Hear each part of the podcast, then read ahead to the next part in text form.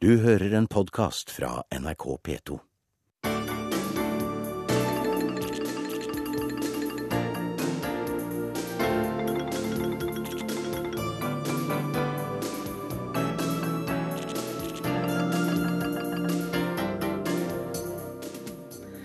Spent i Midtøsten, heimkalling av amerikansk personale i Libanon og skjerpa reiseråd i området. President Obama står fast på angrepsplan mot Syria. I have decided that the United States should take military action against Syrian regime targets. Men er et angrep mot Syria i samsvar med folkeretten? Det spør vi om litt seinere i sendinga. Nye avsløringer om omfattende amerikansk etterretning, denne gangen i samarbeid med den svenske staten. Og det tyske piratpartiet slår seg fram på si store kampstak, nettopp den amerikanske overvåkinga. I Myanmar er hun som alltid har gått under navnet The Lady, i ferd med å miste støtte. Her handles alt fra klær, varme måltid, eksotiske frukter og telefoner fra små boder på gaten. Utenfor et moderne kjøpesenter selger tre menn i 20-årene T-skjorter og vesker med bilder av Aung San Suu Kyi på. Å flashe dyre klokker kan bli farlig i Kina. Nå likner kampen mot korrupsjon på gamle utregnskninger. Og gled deg til et nygammelt møte med London i korrespondentbrevet.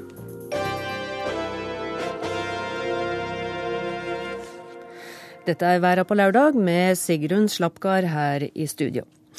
Etter Irak og Afghanistan, nå kan Syria stå for tur. Hele Midtøsten har denne veka fulgt med på stormaktsspillet rundt et av de viktigste landene i regionen. Og det er et splitta område som nå bor seg på et amerikanskleia angrep. Det forteller Sigurd Falkenberg Mikkelsen fra Kairo. Det er en stille før stormen-følelse her i Midtøsten. Knapp uke har gått siden Barack Obamas U-sving. I stedet for et angrep med krysseraketter kom mer venting. Og ingen steder er den ventingen verre enn her. Akkurat nå er det rolig.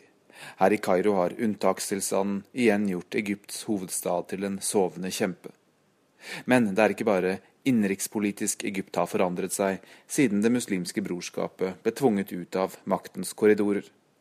Borte er støtten til de syriske opprørerne og løfter om å sende hjelp og soldater.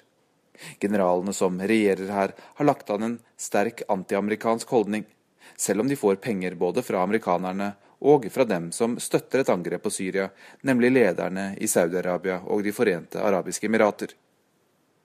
Men hvis du tror denne selvmotsigelsen er unaturlig, tro om igjen. For i det kompliserte nettverket, eller skal vi si garnet av allianser og fiendskap i dagens Midtøsten, er ikke dette noe unntak. Her gjelder ikke lenger det kjente ordtaket om at min fiendes fiende er min venn. I stedet må man lenger ut i årsaksleddene for å finne sammenhenger. Og Syria splitter som få tidligere konflikter har gjort det. Borte er den kollektive mediaenigheten som oppstår rundt Al-Jazeera i forkant av Irak-krigen. Borte er den store mobiliseringen på gateplan. Men det vil ikke si at misnøyen ikke finnes. Talende nok kom ikke Den arabiske liga til enighet tidligere denne uka, trass sterkt saudiarabisk press. På statsplan er det som følger. De pengesterke gulflandene med Saudi-Arabia og De forente arabiske emirater i spissen, samt Tyrkia, støtter aktivt et militært inngrep. På statsplan er det som følger. De pengesterke gulflandene med Saudi-Arabia og De forente arabiske emirater i spissen, samt Tyrkia, støtter aktivt en militær operasjon. Shia-muslimske Irak og Hizbollah-dominerte Libanon gjør det ikke, og heller ikke generalene som styrer i Algerie, både pga. fortiden de har i kamp med islamister og mot den gamle kolonimakten Frankrike, som gjør at de er allergiske mot vestlige militære operasjoner i Midtøsten. Og så har regimet i Damaskus selvfølgelig Iran, som med sin farsi-majoritet og sjiamuslimske statsreligion er både en outsider og essensiell maktspiller i området. Egypt ligger og vaker i midten, og kan nok presses til å være stille, men ikke noe særlig mer. Og hva med syrerne selv? De er også delt. Som den opposisjonelle menneskerettighetsforkjemperen jeg traff i Beirut, som var for et angrep fordi Assad hadde gått for langt og fordi Assad ikke hadde noen sperrer igjen. som den syrisk-palestinske 18-årige jenta som bodde i den libanesisk-palestinske flyktningleiren Shatila, og som på mitt spørsmål om et amerikansk angrep ville gjøre situasjonen bedre for dem, sa selvfølgelig ikke. Amerikanerne tar feil hvis de tror de kommer til å få støtte fordi Assad tross alt jevnt over er en upopulær mann i den arabiske verden. At folk misliker Assad, betyr ikke at de vil støtte en amerikansk intervensjon. Et kort angrep vil muligens ikke skape for mange bølger. Til det sliter hvert land nok med egne problemer. En større operasjon derimot vil skape mer motstand. Mitt inntrykk er heller ikke at den påståtte bruken av kjemiske våpen grunnleggende har forandret dette. Hans motstandere ser uansett på Assad som en hensynsløs leder, og de som støtter ham, fornekter det, i det minste offentlig. Og amerikanernes moralske posisjon er fra før av ikke særlig høy. Vi husker Irak-krigen i 2003. Her husker de også det CIA-regisserte kuppet mot Irans statsminister i 1953, eller at Saddam Hussein brukte kjemiske våpen mot kurderne uten at noen reagerte. Det var før Iraks daværende leder hadde lagt seg ut med sine amerikanske støttespillere. Også denne gangen sees amerikanerne på, rett eller galt, som maktspillere som gjør dette av en eller annen egeninteresse, mens de selv nok en gang er tvunget til å være tilskuere i en felles tragedie. These kinds of actions are always unpopular because they seem distant and removed. Uh, and I want to make sure I'm being clear. I'm not, I'm not drawing uh, a analogy to World War II, other than to say, uh, when London was getting bombed, it was profoundly unpopular, both in Congress and around the country, to help the British. Uh, doesn't mean it wasn't the right thing to do. Ja, en overgang fra Kairo til G20-møtet i går her. Slik snakka president Obama på etter møtet i sterke ordelag og med å vise til andre verdenskrigen. Han kjemper hardt for å vinne støtte for et Syria-angrep. Og for litt siden snakka jeg med vår USA-korrespondent Gro Holm, og spurte henne om de amerikanske reaksjonene nå etter Obamas utenlandstur. Ja, Alle som følger det, dette her i Washington, ser jo hvor isolert han er. Det er bare en håndfull stater som støtter Obamas linje. Frankrike, Tyrkia, Saudi-Arabia og De forente arabiske emirater som, som, kjernelandene. Og Det støtter jo opp om en oppfatning her i Washington om at dette er dårlig politisk håndverk. Eh, et håndverk som fulgte av et utsagn om en rød linje som etter det vi vet nå, ikke var planlagt. Eh, og mm, her i USA så er nå landets president og hans nærmeste medarbeidere i gang gang med den største lobbykampanjen overfor Kongressen som, som, noen kan huske. Og det for en sak som altså mange mistenker at han i utgangspunktet egentlig ikke trodde på selv. Mm, han brukte ordet 'the right thing to do' minst tre ganger i avslutningspressekonferansen. Og det kunne jo gi en slags uh, følelse av en skjebnetime. Uh, hvordan er de tolkning av uh, hans opptreden? For meg så høres det nesten ut som en besvergelse at han prøver å overbevise både verden og seg selv om at det faktisk er den rette tingen å gjøre. Eh, men det er jo det nå for ham å ikke handle vil jo være et enormt tap av troverdighet. Eh, og også for landet, eh, for USA internasjonalt. Men det er jo veldig mye her som avhenger av hva som skjer videre. Hva skjer etter et eventuelt første angrep? Vil, hvordan vil Syria svare? Wall Street Journal skriver her nå i dag at Iran Iran har bedt eh, sine støttespillere i Irak og andre deler av Midtøsten om å angripe amerikanske mål dersom det kommer til et, eh, et angrep. Jeg tror kanskje ikke Iran vil angripe Israel i første omgang, men det er klart at her kan vi få en opptrapping som gjør at denne krigen blir mye lenger enn det Obama tenker seg i utgangspunktet. Men det var svært nedlatende uttrykk han brukte om FN, og på samme tid som han da framstår som en som skal ta ansvar på vegne av FN. FN.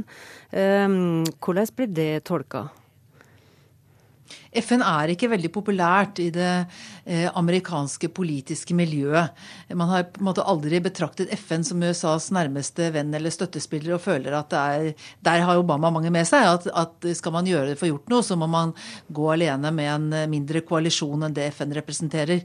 Eh, så det er vel mer oppsiktsvekkende at Obama med hans fortid som krigsmotstander og egentlig egentlig en tilhenger av, eh, av FN-systemet, at han nå eh, tar den avstanden han gjør. Og det skyldes jo kanskje at generalsekretæren og eh, tidligere spesialutsending til generalsekretæren i Syria, Lakta Brahimi, så klart advarer mot noen aksjon uten et vedtak i Sikkerhetsrådet. Mm. De, de, har på en måte markert seg klarere overfor USA enn de har gjort noen gang tidligere. Og Obama føler vel at den politiske prosessen han må gjennom her hjemme. Eh, den, den, veien man går helt uavhengig av eh, FN. Helt kort til slutt, eh, Groholm.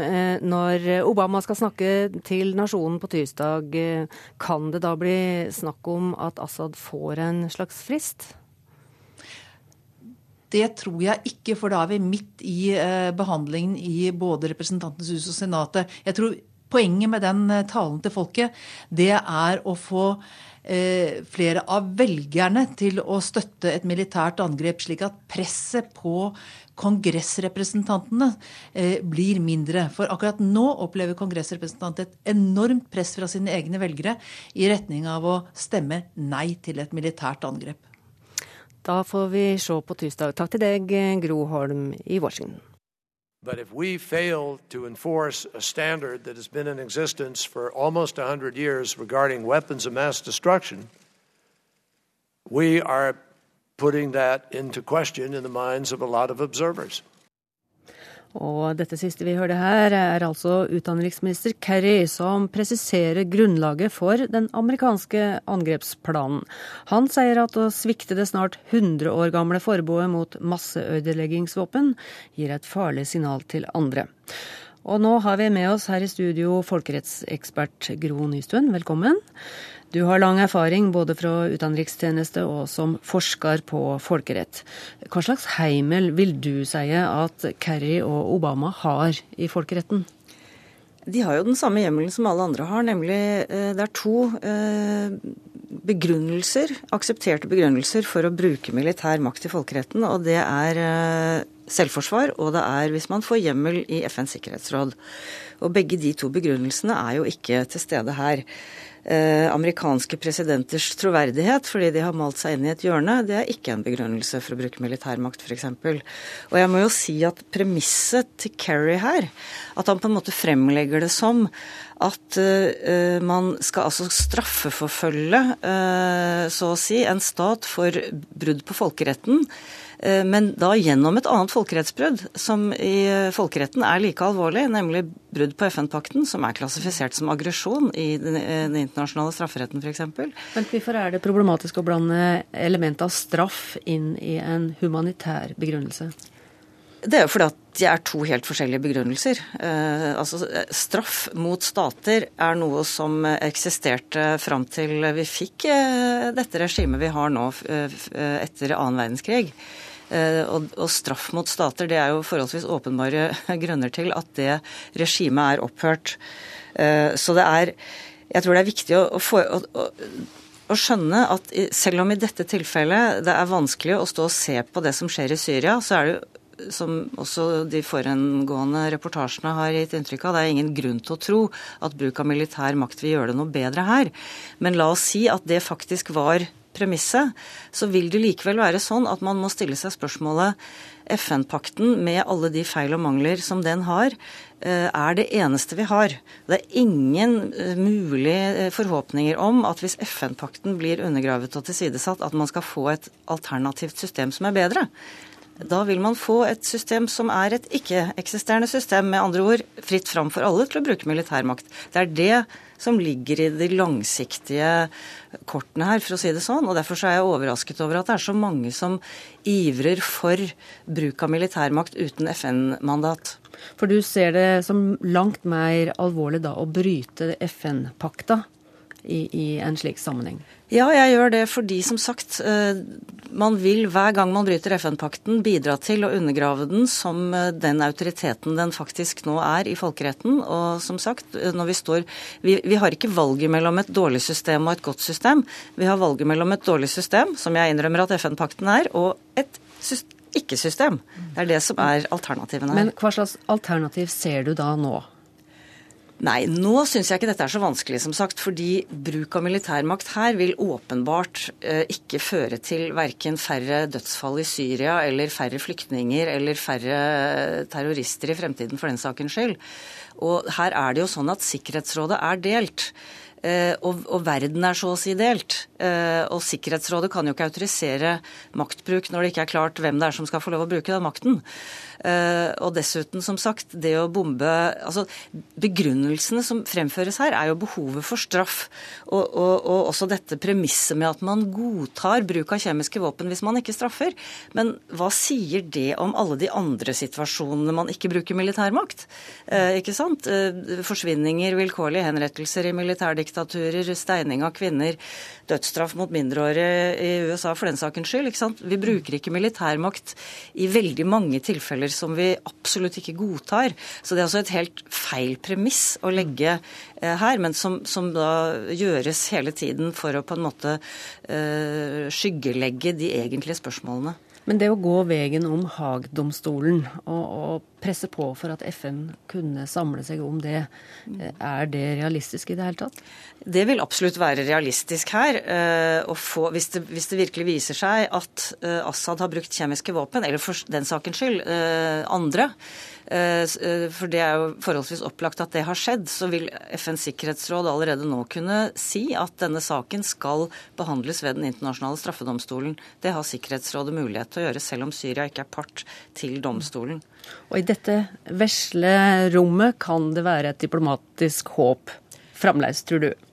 Det er i hvert fall én av mange muligheter man kan gjøre. Det er veldig mange redskaper man har i den diplomatiske verktøykassa som ikke er bruk av militærmakt for å redde eh, troverdigheten til noen som eh, har malt seg inn i et hjørne. Ja. Takk til deg, Gro Nystuen, for at du kom i studio. Vi skal til ei anna sak nå, som eh, også hang som en skygge over G20-møtet. Denne veka kom det flere og alvorlige avsløringer om amerikansk etterretning. Ifølge varsleren Edward Snowden har USA brukt mange hundre millioner dollar over de siste åra på å bryte seg inn i koda datatrafikk. Og samtidig kommer det skullinger mot den svenske staten, som skal ha gitt amerikanerne tilgang til datatrafikk som går gjennom undersjøiske kabler. All of our undersea fiber optic cables are designed to withstand harsh environmental conditions for 25 Selskapet forteller i sin skrytevideo hvor flinke de er til å legge undersjøiske kommunikasjonskabler. Hvor mye data som strømmer gjennom de sorte, stålforsterkede, gummibelagte kobber- og glassfiberkablene.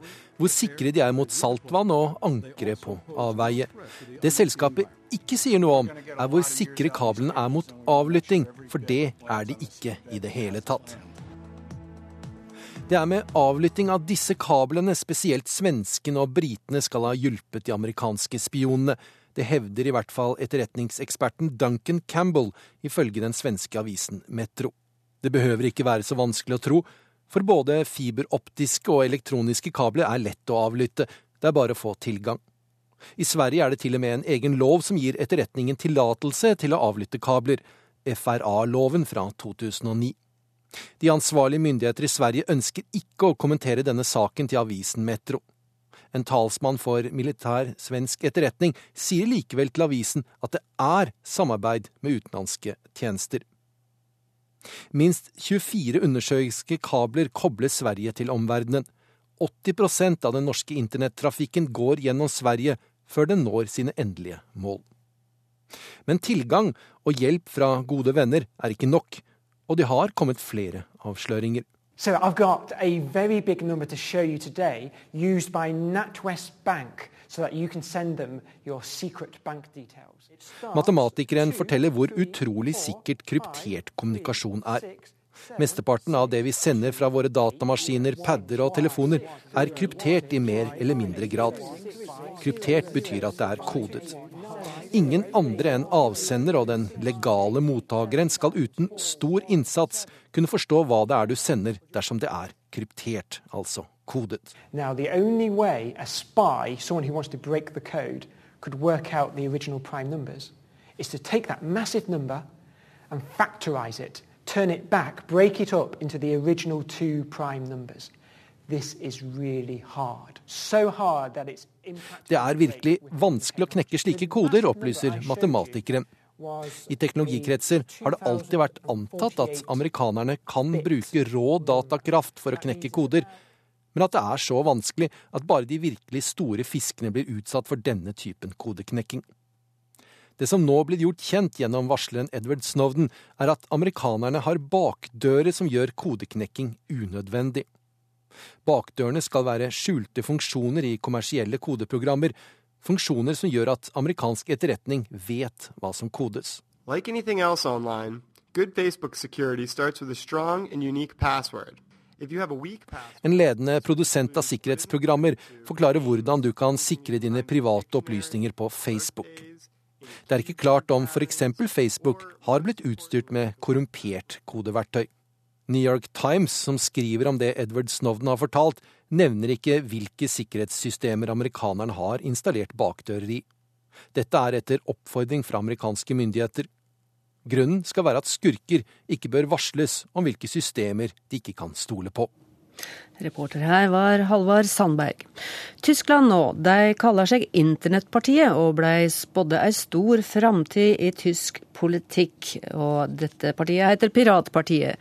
De sliter nå tungt framfor valget om to uker, men håper likevel at partiets store kampsak, USAs overvaking av tyske borgere, skal gi god drahjelp i valgkampinnspurten. Im Auftrag von ausländischen Geheimdiensten på en litt lurvete kafé i innvandrerbydelen Kreuzberg her i Berlin har et femtitalls mennesker klemt seg sammen for å snakke om en sak som opprører dem.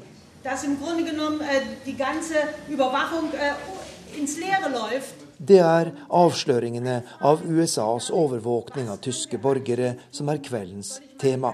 Og de fremmøtte har mange spørsmål. Hva betyr dette for et vanlig menneske som meg? Hvordan kan jeg unngå en slik overvåkning?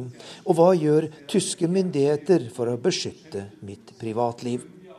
Det er Piratpartiet som har invitert til møte og partiets talsmann og advokat Odo Fetter svarer slik. Also jeder ist konkret betroffen von diesen Vi er alle ofre for denne overvåkningen som drives av den amerikanske etterretningsorganisasjonen NSA.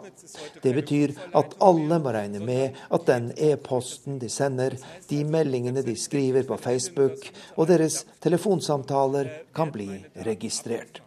Og det er ingen løsning å la være å bruke Internett. For alle de opplysningene vi har gitt fra oss til myndigheter og andre, ligger på nettet og kan tappes derfra, sier talsmann for Piratpartiet. Vi vil transparens og bürgerbeteiligung stärken.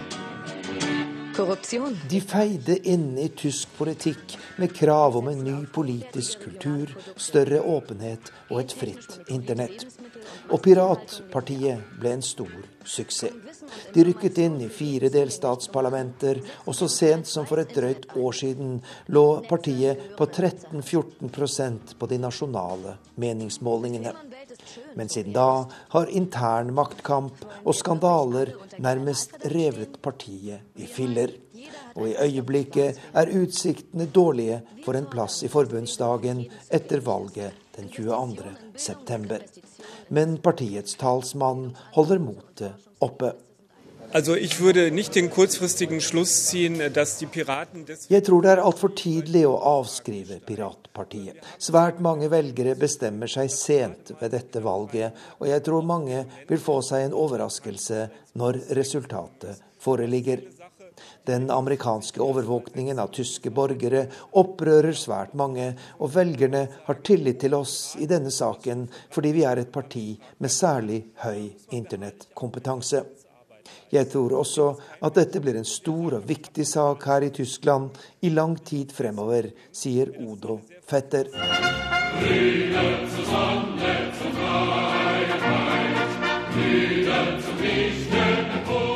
Mange av de fremmøtte på kafeen i Kreuzberg er fra det tidligere DDR, og de vet mye om hva det vil si å bli overvåket.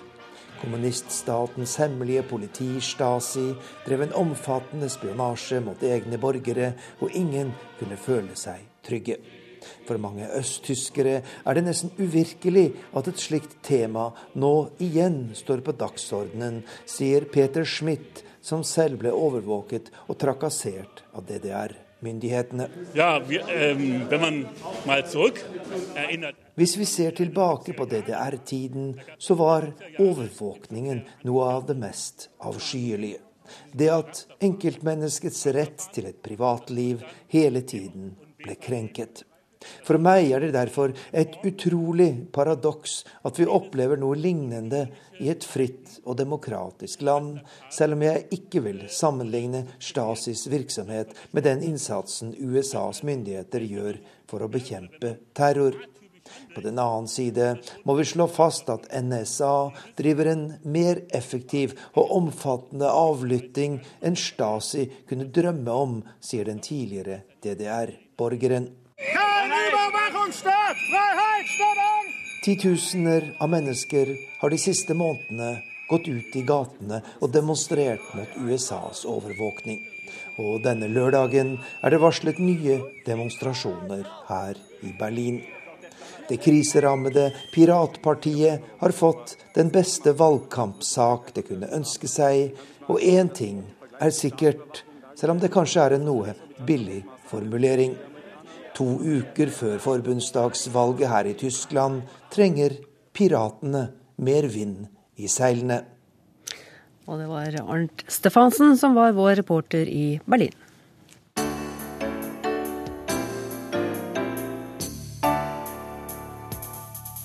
Ja, mandag er det som kjent stortingsvalg her til lands, og nå er 34 valgobservatører fra 11 land i det tidligere Sovjetunionen kommet til Norge. De kommer fra land som ikke akkurat er kjent for demokratiske styresett. Hi, my name Nazima Kamalova. I'm a human rights lawyer and a scholar from Uzbekistan. Uh, hi, uh, I'm Suhrob Tavarov a member of uh, Human Protection Organization uh, Tajikistan. De kommer fra Tadsjikistan, Usbekistan, Kasakhstan, Hviterussland og andre tidligere sovjetrepublikker. Land som aldri har gjennomført et eneste demokratisk valg selv. Men mandag skal de likevel passe på at vi gjør alt riktig under vårt stortingsvalg. Uh, I think election observation, even in uh, developed democracies, is very important because uh, elections can be hijacked by the bad guys. Det sier Nosima Kamalova fra Usbekistan. Politistaten som president Islam Karimov har styrt med jernhånd siden 1990. De som har forsøkt å utfordre hans posisjon, har enten blitt arrestert eller drevet på flukt da han i år 2000 vant valget med tilsynelatende 90% av stemmene, sa selv motkandidaten hans at han hadde stemt på ham.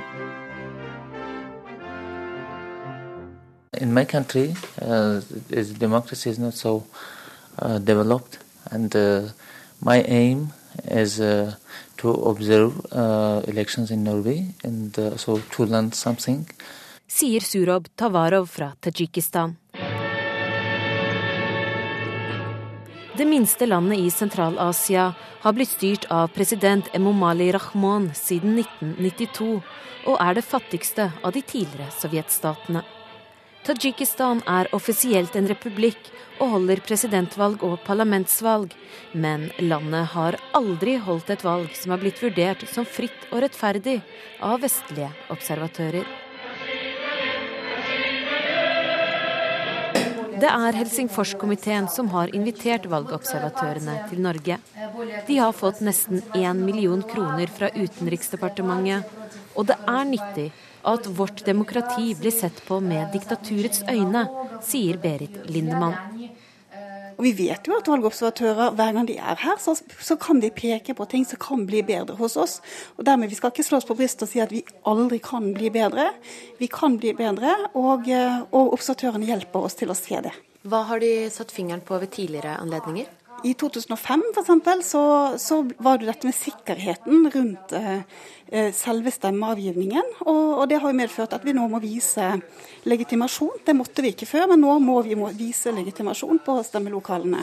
First of all, welcome to the Norwegian Parliament. Og norgesoppholdet inneholder ikke bare valgobservasjon, men også omvisning i demokratiets høyborg, Stortinget. Uh, once we enter the parliament, it is important that we stick together as one group. Valgobservatørene går igjennom et grundig program før de mandag blir spredd fra Stavanger i sør til Kirkenes i nord. Kanskje møter du dem i et valglokale nær deg, hvis de bare lærer seg hva stedene de skal til, heter først. Uh, hole. Hole. Hole? Hole. Hole. Hole. It writes H-O-L-E. No, no, no. Ja, rapporten fra Hole og andre plasser kommer på tirsdag fra disse observatørene. Og reporter her var Guri Nordstrøm.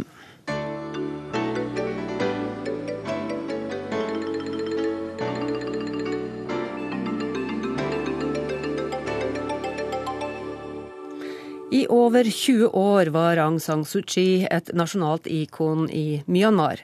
Folk elska The Lady for at hun blei værende i landet og helt ut i husarrest i åra med militærdiktatur.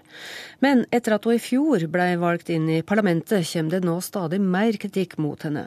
Suu Kyi blir kritisert for å ha blitt en pragmatisk politiker som tar for mye hensyn til de militære i landet, og for at hun ikke har stått opp for de fattige og for alle de undertrykka minoritetene. Vi er i Yangons travle handlestrøk. Her ligger treskur og foldeferdige bygninger i kolonistil side om side med nye høyhus. Det er regntid, det er varmt og fuktig, gatene er fulle av folk i fargerike drakter. Her handles alt fra klær, varme måltid, eksotiske frukter og telefoner fra små boder på gaten. Utenfor et moderne kjøpesenter selger tre menn i 20-årene T-skjorter og vesker med bilder av Aung San Suu Kyi på. I mange år ble hun bare kalt The Lady for at militærregimet ikke skulle forstå hvem folk snakket om. Ansiktet og navnet hennes var inntil for et par år siden forbudt i Myanmar. Men i fjor ble hun politiker med sete i parlamentet, og nå har hun ambisjoner om å bli president. Mange er utålmodige etter å se resultater. Fattigdommen er stor, minoriteter blir undertrykket, og det er stadig sammenstøt mellom folkegrupper. En times kjøretur på humpete veier nord for Yangon treffer vi en av Suu Kyis tidligere medarbeidere på et sykehus for fattige. Matida er i dag lege og kjent forfatter.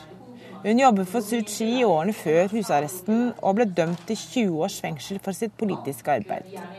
Hun mener Suu Kyi må bli mer tydelig som politiker. Her response towards the ethnic minorities is obviously not very enough. So that's why we don't know what's her strategy and what's her intention.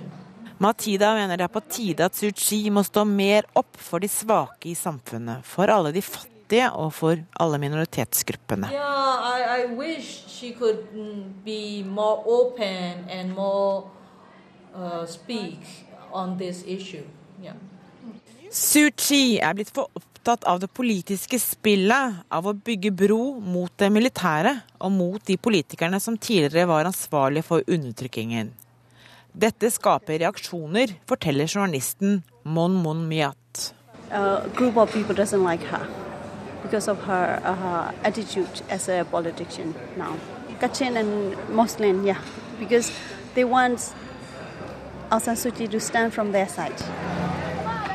I en trang bakgate, opp fire trapper og inn i et slitent lokale finner vi Democratic Voice of Burma. Redaktør Tan Wit Hot forklarer hvorfor Suu Kyi må spille på lag med de hun før bekjempet. So of course you have to understand that is her job. If she want to be the president, she have to make good relation with the armies. So, but the majority people really like that, you know. Han forteller at siden Suu Kyi har vært gift med en utlending, hindrer grunnloven henne i å kunne bli president. Skal hun vinne valget i 2015, må hun overbevise de militære i parlamentet om en grunnlovsendring. Derfor er han opptatt av å ikke provosere med kontroversielle standpunkter. Utenfor det store huset hennes ved innsjøen i Yangang lå det alltid blomster før, og folk var ofte samlet på fortauet. I dag er det tomt. Bare en gul plakat av hennes far, generalen, henger på gjerdet, og bilene suser forbi uten å stoppe. Hun oppholder seg sjelden her, er for det meste i parlamentet mange timer lenger nord i landet, hvor få mennesker bor. What I feel worried is she is a, a bit out of touch because I spend more time in parliament and away from the real people. That is what I worry. Sometimes I worry does she know what is going on, real things, you know. That is not only me, lots of people worry. It felt as though I were no longer a part of the real world. There was a house which was my world. There was a world of others who also were not free, but who were together in prison as a community. And there was the world of the free. Slik beskrev Suu Kyi årene i husarrest da hun mottok Nobels fredspris. Og det er pga. denne forsakelsen at burmesere flest, på tross av den økte kritikken, fortsatt ser opp til The Lady og håper at hun vil gi dem et bedre liv. Reporter i Myanmar var Anne Cecilie Remmen.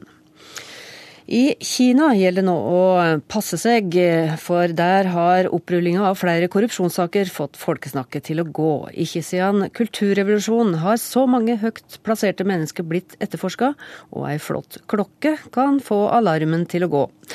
Her er ukas utenrikskommentar fra Philip Lote. Det er et varslet skritt i Xi Jinpings arbeid for å gjenreise tillit til partiet.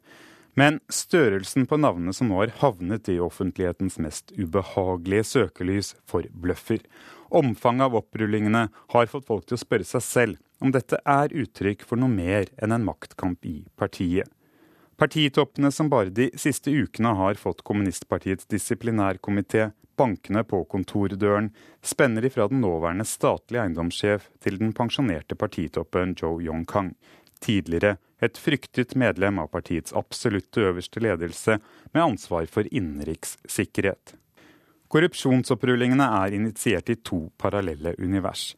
I det ene i en regi planlagt av offisielle organ i parti og stat. I det andre i en friere regi som finner sin form og kraft i kinesiske sosiale medier. Bak den kinesiske brannmuren og en katt og mus-lek med den kinesiske sensuren. Det første universet speiler den interne dragkampen fraksjoneringen, de reelle politiske diskusjonene og offisielle prioriteringer i Kinas nye ledelse. Den andre speiler sfæren av mikrobloggere.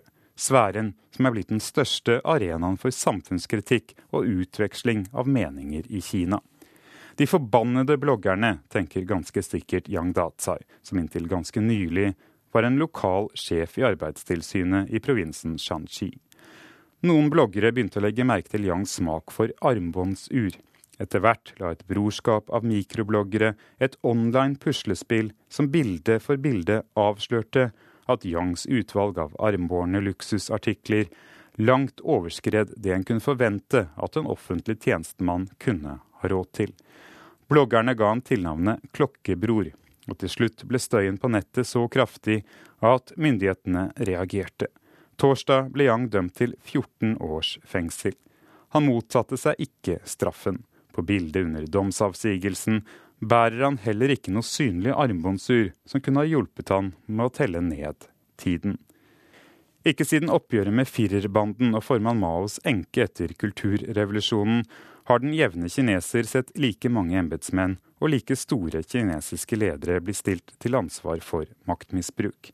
I likhet med den gang hviler en maktkamp og en rettssak i bakgrunnen. Innen kort tid er det ventet at det vil bli avsagt dom mot tidligere partitopp Bo Xilai. Den sjeldent karismatiske og populistiske orienterte Bo Xilai styrte før Kinas lederskifte mot en plass blant de sju mektigste i partiet. I stedet vil han trolig bli dømt for illegal tilegnelse av rikdom og for å ha forsøkt å dekke til drapet hans kone begikk på en britisk forretningsmann. Den nevnte Joe Yong-kang var Bo Xilais mest høylytte forsvarer i partiledelsen.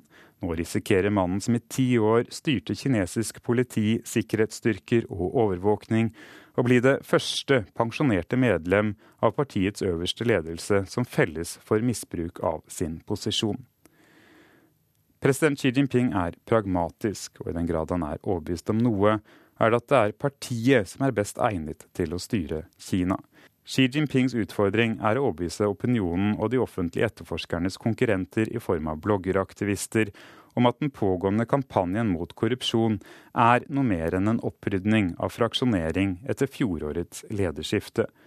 Akkurat dette spørsmålet er avgjørende for hans og partiets troverdighet. 161 000 kadre er under etterforskning av partiets disiplinærkomité. De store navnene som nå ledsages ifra kontorer og inn i rettssaler, kan overbevise om at rang ikke i seg selv gir beskyttelse. Men det blir en større oppgave å overbevise kommunistpartiets over 85 millioner medlemmer og folket om at politiske allianser ikke vil være avgjørende for om du blir tatt eller ikke. Australia velger i dag ny nasjonalforsamling, og mange av spørsmåla som har vært oppe der, kan minne også om det norske valget. Innvandring står svært høyt på dagsordenen, men det er trolig spørsmål om miljø og skatt på strøm som vil bli avgjørende for utfallet. Come in, folks. Come in a bit closer. According to the polls out today, we've got about three points to make up. And what I know about uh, Australians is there's a whole bunch of people who don't sort out which way they're going to vote until the day itself. Dagen før valget er Australias statsminister Kevin Rudd fortsatt optimist, selv om han ligger bak på alle meningsmålinger, og alt tyder på at landet down under får en ny statsminister. En mann som fra opposisjon har utmerket seg med flere uheldige uttalelser om sine kvinnelige kolleger. Som f.eks. da Tony Adbutt i begynnelsen av august i år ble bedt om å sammenligne to av de konservative partiets kandidater. They're young, uh, they're um, feisty, uh, I think I can probably say have a bit of sex appeal. and, uh, og dette har nå statsminister Kevin Rudd forsøkt å skåre politiske poeng på. Det forteller førstelektor ved Universitetet i Agder, Jan Erik Mustad. Tony Abbott er en nokså konservativ kristen som har kommet med ganske skarpe uttalelser om kjønn og om kvinners posisjoner i det australske samfunnet. Eh, og Tony Abbott har ikke så høy stjerne blant australienere eh, generelt. Han skårer lavt på målinger i forhold til personlig popularitet eh, i, i konkurransen med Kevin Rudd, som da er mye, mye mer populær. Så, så det, det, Kevin Rudd spiller på nå, er jo en del av disse synspunktene som Abbott uh, har uh, stått inne for i løpet av valgkampen, og, og, som også mange har reagert veldig negativt på. Så, så Rudd spiller nå uh, litt sånn bakstrebers kanskje på Abbotts personlighet. Og at, at ikke han er egnet til å, å lede Australia, verken internt i Australia eller i det internasjonale samfunnet. Så han, han, er en litt omstridt figur, Tony Abbott. Men, men, jeg tror tida er for knapp for Rudd. Selv om han kommer bra på oppløpssida, så, så, tror jeg kanskje ikke at han vil klare å, å ta igjen det forspranget som Abbott har. Og Førebels opptelling nå i formiddag viser at dette nok er riktig. Den konservative Tony Abbott ser ut til å vinne valget i Australia med god, med god margin, ser det ut på meldinga som vi får inn her nå. Og reporter her var Christian Aanesen.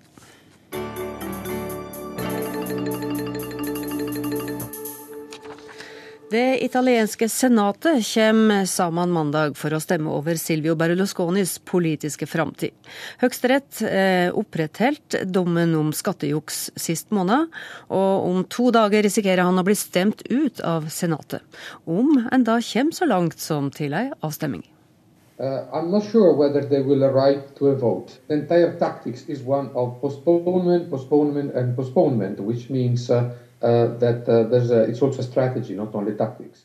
Taktikken er å få til utsettelse etter utsettelse, sier forsker ved NUPI, Francesco Strazzari. Det er Berlusconi han snakker om. I alle år har han trenert rettssakene mot ham. Nå har han sendt advokatene sine på Senatet for å hindre at det voterer over om han får beholde plassen sin der eller ei.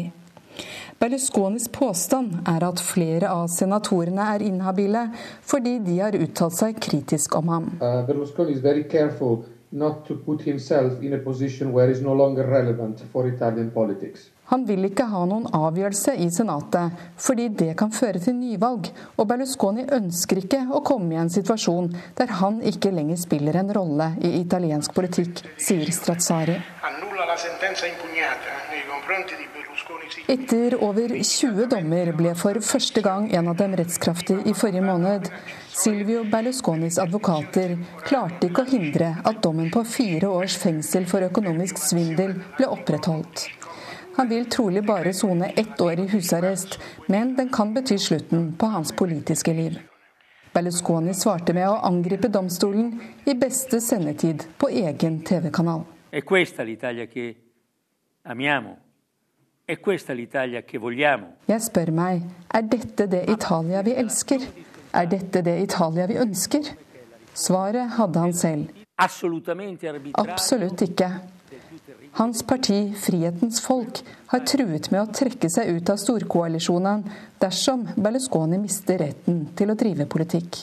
Well, at that point, um, the, the, the ball will go into the field of the President uh, Napolitano, who can either call for new election or um, then uh, proceed on and look for a new majority in, in parliament for a new government. Men mye tyder på at Berlusconi ikke vil tillate at hans partikolleger går ut av regjeringen, sier Francesco Strazzari. Of, uh, large, uh, coalition, uh, his companies have, have been doing very well um, with him in power.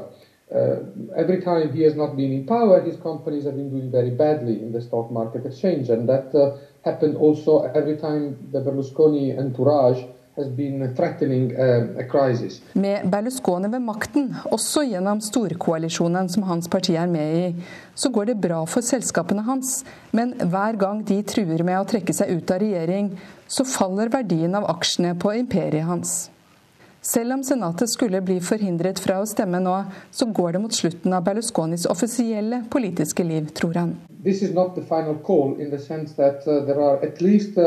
uh, um, sentences which are due in the next few months. That means that even if Berlusconi was to be saved on Monday, there will be certainly uh, two, three other moments in which uh, he might not uh, get out of that corner. And that means that all the threats that we're hearing these days are just desperate moves. Og reporter her var Åse-Marit Befring. Eh, korrespondentbrevet er postlagt i London av Espen Aals. Det er nesten blitt umulig å få seg en skikkelig dårlig kopp kaffe i denne byen. Enda vanskeligere å få tak i en ekte engelsk lunsj som frembringer mer antropologisk enn kulinarisk interesse. Mitt London har endret seg. Velkommen til første korrespondentbrev fra denne korrespondenten. Jeg skal ikke plage deg med alle mine praktiske utfordringer og videverdigheter i forbindelse med etableringen, de er uansett stort sett i orden nå. Men jeg vil dele noen tanker om endring, utover mangelen på dårlig mat og dårlig kaffe. Jeg er nå i startgropen på mitt andre treårsopphold i denne fantastiske byen, i dette fantastiske landet, med det folket vi anglofile setter så stor pris på. Jeg bodde her nemlig sammenhengende i tre år på slutten av 90-tallet også, da som student. Selv om jeg selvsagt har vært der på besøk flere ganger i løpet av de siste 14 årene, ser jeg først nå, som fastboende igjen, at mitt gamle bilde av Storbritannia trenger noen korrigeringer. For å sette det inn i en slags ramme. Da jeg snublet inn i Sørøst-London en junidag i 1996, var det to advarsler som møtte meg. Ikke spis britisk storfekjøtt, og ikke stem på Tony Blairs nye Arbeiderparti. Vel, tre advarsler var det faktisk. Den siste kom fra en ansatt på en bensinstasjon, og han sa at jeg ikke måtte gå ut om kvelden i dette området, hvor jeg hadde leid meg inn for to uker mens jeg lette etter leilighet. Uansett, kugalskapen hadde herjet og fortsatte å herje. McDonald's reklamerte med at de ikke hadde britisk storfekjøtt, mens de lokale slakterne reklamerte med at de hadde britisk storfekjøtt, og det var for øvrig helt trygt å spise. Året etter måtte flere av de samme slakterne stenge etter flere E. coli-utbrudd pga. dårlig hygiene og blanding av rått og stekt kjøtt i diskene. Jeg innrømmer at jeg spiste min siste kjøttbit da. Men enda sterkere var advarslene til folket om å skifte politisk kurs. Statsminister John Major og hans konservative parti hadde kjøpt reklameplass til digre plakater av jyplingen Tony Blair påtegnet djeveløyene sammen med advarsler mot å tukle med det konservative styret som hadde virket så bra i 17 år. Det ville bare føre landet ut i økonomisk krise. Vel, eh, krise ble det, men først etter at den samme Tony Blair hadde sittet i ti år som statsminister. Før den tid ventet mye endring. Endring som ble satt stor pris på av mange, før alt det som ikke ble satt pris på, skulle komme. Det var innføring av minstelønn for første gang i historien. Det var opprustning av helsevesenet, det ble sprøytet store summer inn i det offentlige, og det var et friskt pust med nye koster i departementene. Et eh, velpolert friskt pust, for PR-apparatet til den nye regjeringen hadde ingen sett maken til. Det var ikke den sak som begynte dårlig for Labour-regjeringen, som ikke kunne vris og vendes på slik at den enten ble til en god sak, eller plutselig forsvant ut av mediene. Midt oppi dette fikk jeg meg leilighet i første etasje med to soverom og utgang til egen hage for 250 pund i måneden i Sørøst-London i et litt mindre skummelt strøk enn der jeg startet. Og der lærte jeg raskt om klassesystemet. Før jeg var ferdig med å forklare uttalen på etternavnet mitt, hadde naboen forklart at de var en middelklassefamilie, selv om det ikke var så mange andre av det slaget i dette strøket. Merkelappene var veldig viktige jeg hadde flyttet inn i et klassisk arbeiderklassestrøk. På universitetet var det selvsagt mange som hevdet at de kom fra arbeiderklassen, mens de aller fleste i virkeligheten tilhørte den hurtigvoksende middelklassen, som var så stor at den igjen måtte deles inn i en øvre og lavere middelklasse. I sluttspurten av 90-tallet steg prisene, yrkesdeltagelsen steg, folk hadde mer penger å rutte med, amerikanske kaffebarkjeder etablerte seg, sushibarene poppet opp overalt, britisk storfekjøtt ble ansett for spiselig igjen, og statsministeren ledet nasjonen gjennom sorgen etter prinsesse Dianas død. Den samme statsministeren fikk i stand fredsavtale i Nord-Irland, han var bestekompis med Bill Clinton og klarte sammen med sitt PR-apparat å holde seg selv og britenes humør noenlunde oppe.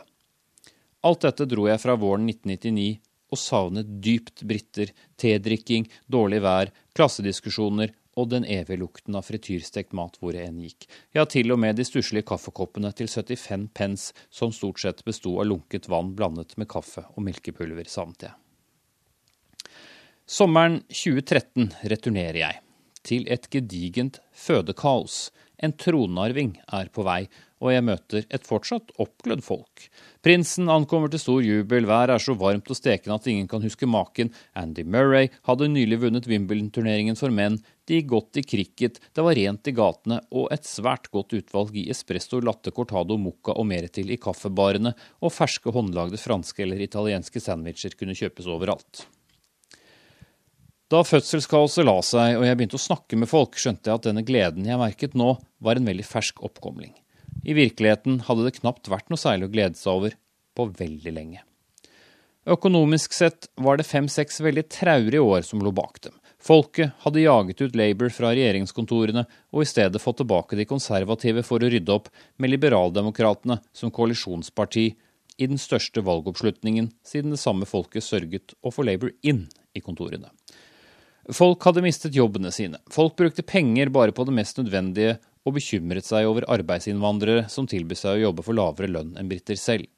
Politikk var de mindre opptatt av. Statsminister David Cameron var en fjern figur, en privatskolegutt som åpenbart jobbet for å holde landet flytende, men som de ellers ikke var så opptatt av.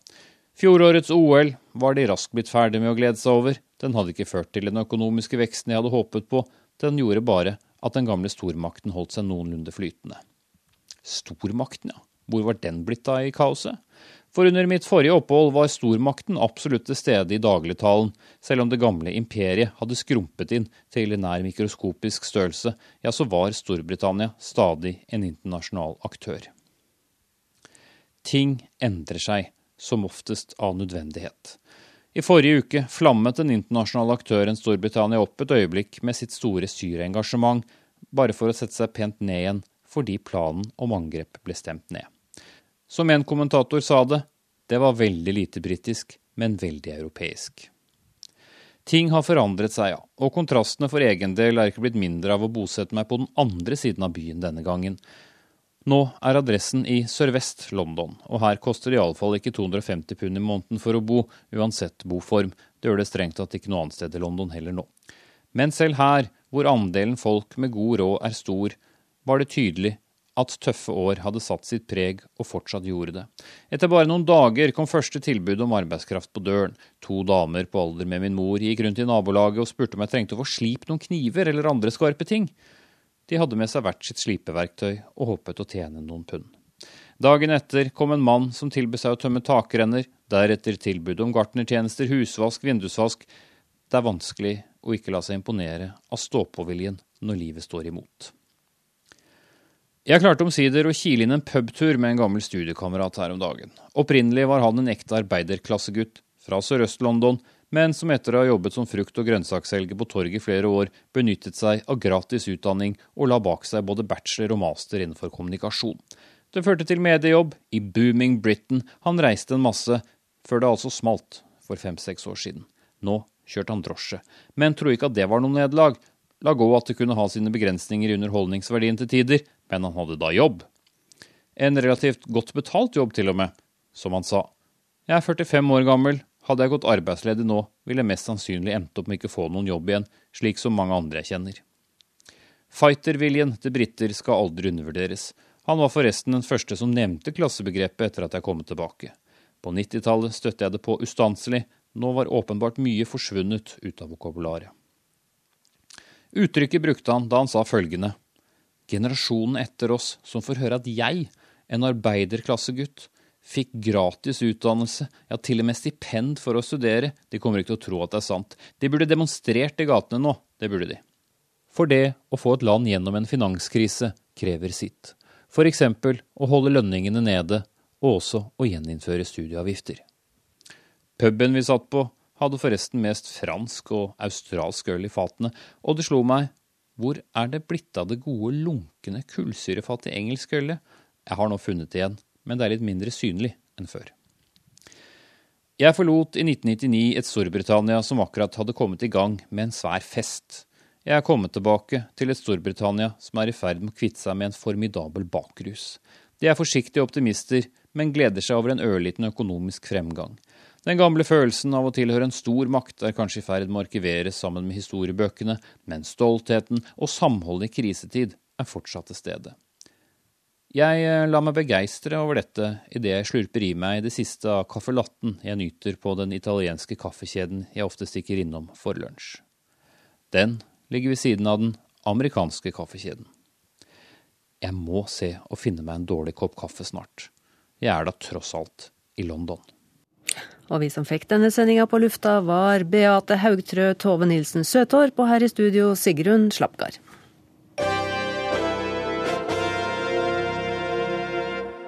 Du har hørt en podkast fra NRK P2.